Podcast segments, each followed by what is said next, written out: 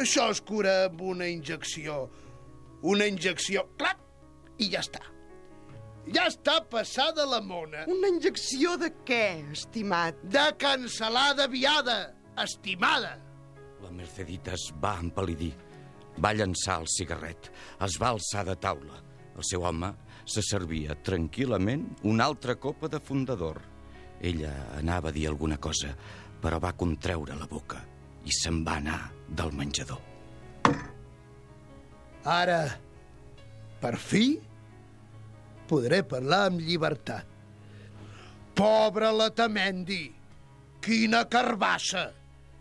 És formidable com el meu sogre no me'n va donar també a mi una de mida natural. Podrit de duros, com està? La Merceditas el va estovar, sabeu? Acabava de veure una pel·lícula d'un metge pobre que salvava una ciutat del còlera i es pensava que jo era com aquell metge de la pel·lícula. Però jo, sense còlera, sense un clau, sense clients. I pensar que vaig venir a la guerra buscant una mica de pau.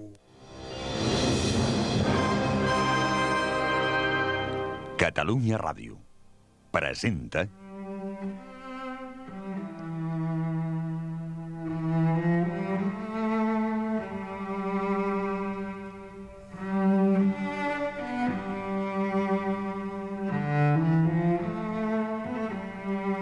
Incerta Glòria, de Joan Sales, en una adaptació lliure per la ràdio d'Oleguer Sarsenedes.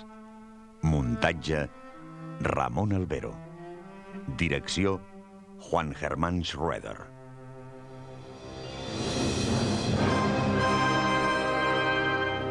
Incerta Glòria, de Joan Sales.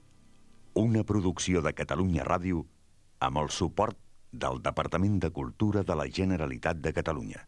Extra, 15 artistes catalans al Palau Robert de Barcelona. Sergi Aguilar, Jordi Benito, Josep Manuel Broto, Tom Carr, Pep Duran Esteve, Gabriel, Francesc Llopis, Víctor Mira, Pere Noguera, Carles Pazos, Pere Jaume, Jaume Plensa, Riera i Aragó, Susanna Solano i Josep Uclés. Extra, 15 propostes artístiques d'intervenció en un espai. Palau Robert de Barcelona, del 22 d'abril al 24 de maig. Organitzat pel Departament de Cultura de la Generalitat de Catalunya amb el suport de Catalunya Ràdio. Catalunya. Endavant amb la cultura. Capítol 46. Nadal.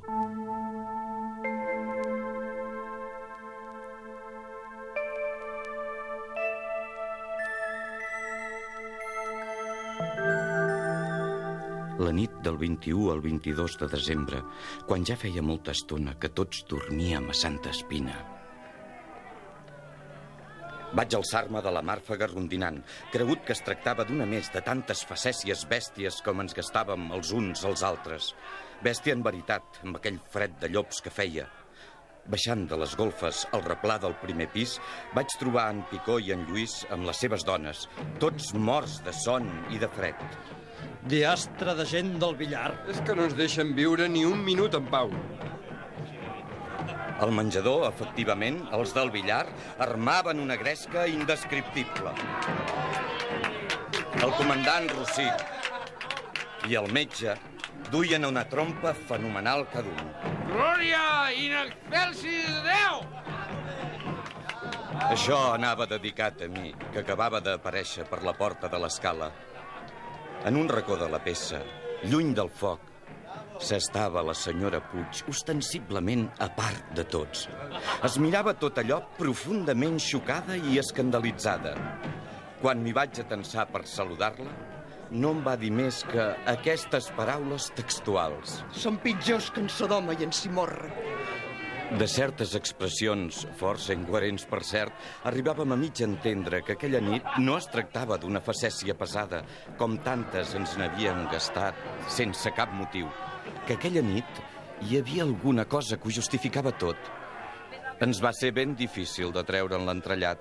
Per fi vam poder endevinar que al billar acabaven de saber per fil telefònic que els relligava a la comandància de la brigada la presa de Terol pels republicans.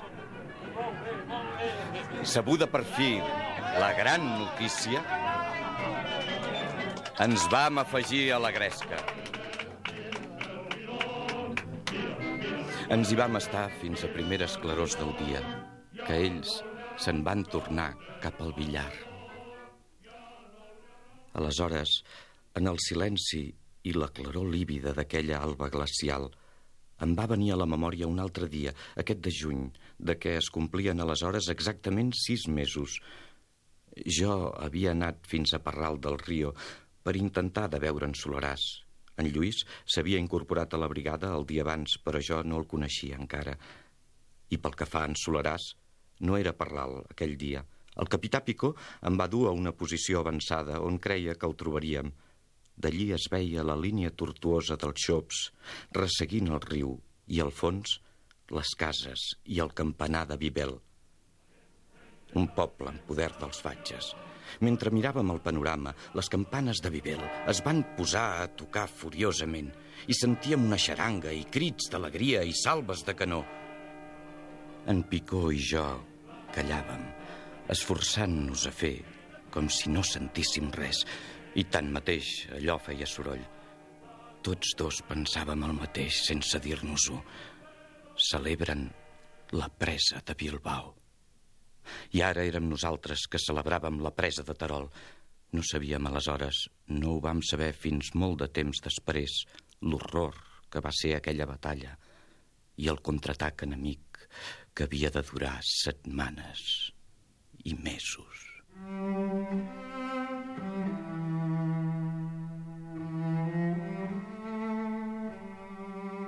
El nostre Nadal d'aquell any va ser alegre i ple d'esperança. Al matí del 24 va caure una nevada de les més fortes d'aquell hivern. A mi em va sorprendre Santa Espina. Aquell vespre hauríem hagut d'anar tots al billar, on el comandant volia obsequiar-nos amb un sopar de gala per celebrar la nit de Nadal, però la nevada ens va deixar incomunicats. En havent sopat, en Lluís va voler prendre el nen ben abrigat amb una manta molt gruixuda de llana, no una manta de l'exèrcit, que eren de cotó, sinó una de les trobades a les cases del poble, per anar-se'n a passejar pels carrers i veure els efectes d'una nevada tan extraordinària. Hi va haver una disputa. Trobo francament bèstia que vulgui sortir amb el nen amb el fred que fa. Però, com que en Lluís s'hi va entossudir, la Trini va decidir acompanyar-los. La neu era molt seca i esponjosa. Les botes s'hi enfonsaven profundament. Ella calçava unes botes de soldat que li havia donat el capità, massa grans per ella, però que, cosa estranya, li esqueien. D'altra banda, li esqueia qualsevol cosa. Des de la porta els vaig veure com baixaven carrer major avall. La nit sense lluna era serena i fredíssima. Quan van haver desaparegut al fons del carrer, jo vaig sortir sol. Me'n vaig anar cap a la part baixa del poble, on no hi havia més que ruïnes. En un cantó de la plaça de l'església, que era a baix, quasi fora ja del poble, hi havia l'harmònium tot desconjuntat. L'església, sense porta, no era més que una gran boca tota negra. Em vaig senyar abans d'entrar-hi. De l'interior no quedava sinó la pedra nua. Vaig encendre dues espelmes de seu. Les vaig posar sobre l'altar major i vaig resar. Hauríeu dit que el silenci, tan viu com el fred, anava a transformar-se en glaç. A través d'aquell silenci, quasi cristal·litzat, unes ones sonores van fer-se perceptibles. Era difícil de dir si la sentia o la somiava. Vaig deixar de resar per escoltar-les.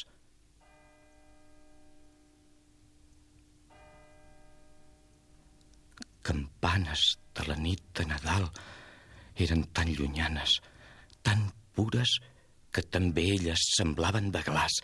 Estava tot meravellat. Les campanes no tocaven des de començos de la guerra. De sobte ho vaig comprendre. Eren de la zona enemiga. Enemiga? Quin sentit tenia aquesta paraula aquella nit en un poble de la zona enemiga més enllà de la terra de ningú. Deien la missa del gall.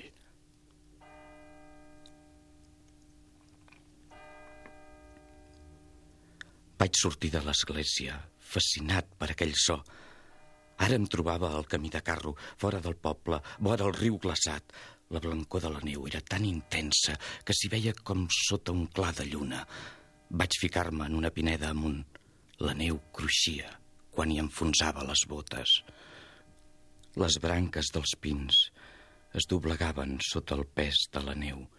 Cristalls de gebre, enganxats a les agulles, s'irisaven a la feble claror de les estrelles. Havia arribat al cim d'aquella pineda, però no veia res. Hauria volgut veure les llumanetes, les fogueres dels soldats que m'indiquessin el poblet d'on m'arribava aquell so.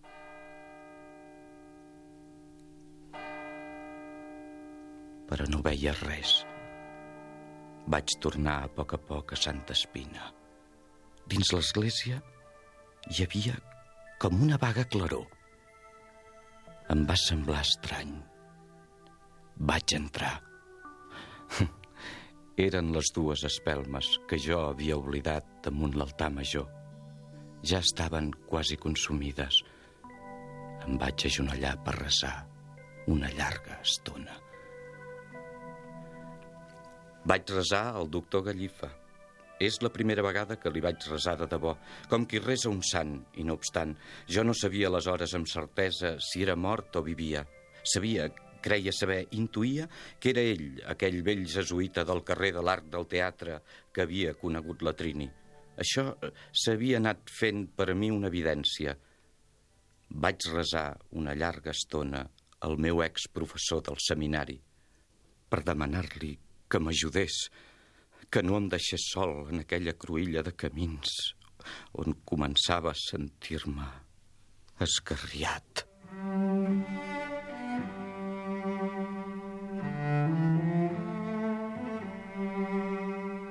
La darrera vegada que l'havia vist era a casa un germà seu, un ric hisendat de la plana de Vic, que vivia la major part de l'any a Barcelona, a un pis de la Riera del Pi, un pis antic, molt gran i alt de sostre.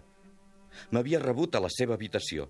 Les quatre parets desapareixien darrere quatre llibreries que arribaven fins al sostre, deixant només l'espai just per la porta i la finestra. El llit quedava amagat a l'alcova, molt petita, ell estava assegut, d'esquena a la finestra, davant una taula plena de llibres i papers en desordre.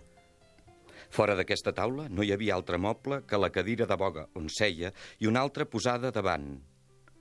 De l'altre cantó de la taula se sentia en l'aire l'olor dels llibres antics i del raper, perquè el meu professor era un dels raríssims repetistes supervivents. Mentre llegia, i s'hi passava moltes hores cada dia, anava prenent sense parar ditades de polsim de tabac d'una capseta de plata renegrida. La sentor del raper era inseparable de la seva persona. Hauria pogut tornar al convent quan les lleis contra els jesuïtes van passar a ser lletra morta el 1934, però a causa de la seva molta edat i de la seva salut delicada va preferir seguir vivint a casa del seu germà, Vivia, doncs, amb la seva família com un capellà secular. Anava a donar cada dia la seva classe de teologia moral al seminari. Aleshores rondava els 80 anys. Aquell olor de raper i de llibres antics s'acompanyava del tic-tac acompassat d'una pèndula molt vella que no es veia perquè estava al costat del llit, a l'alcova. Era ell que se l'havia fet posar allí dins, al costat mateix del llit. Patia d'insomni i assegurava que el tic-tac de la pèndula li feia companyia durant les hores de la nit. Li agradava també sentir tocar els quarts i les hores, no perdre la noció del temps. L'ambient que envoltava el doctor Gallifa en aquells darrers mesos de la seva vida era un ambient com d'un altre segle, i era, en veritat, reposador trobar-se en aquell racó de la riera del Pi, on un podia creure's en el segle XVIII, Això a quatre passes de la Rambla, al cor de la ciutat febrosa. Jo hi havia passat llargues estones parlant amb ell aleshores. Abans de la guerra, la gent tenia temps de parlar. Aquella darrera vegada era just dos dies abans de la guerra, però no ho sospitàvem ni remotament. Més ben dit, ell n'havia tingut algun rumor per un nebot seu, un tal La Moneda, un individu estrany que amb el temps acabaria per ser el meu fantasma particular.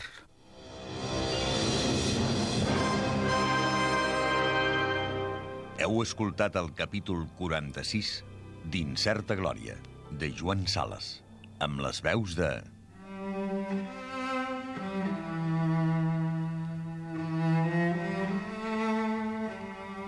Cruells, Enric Major.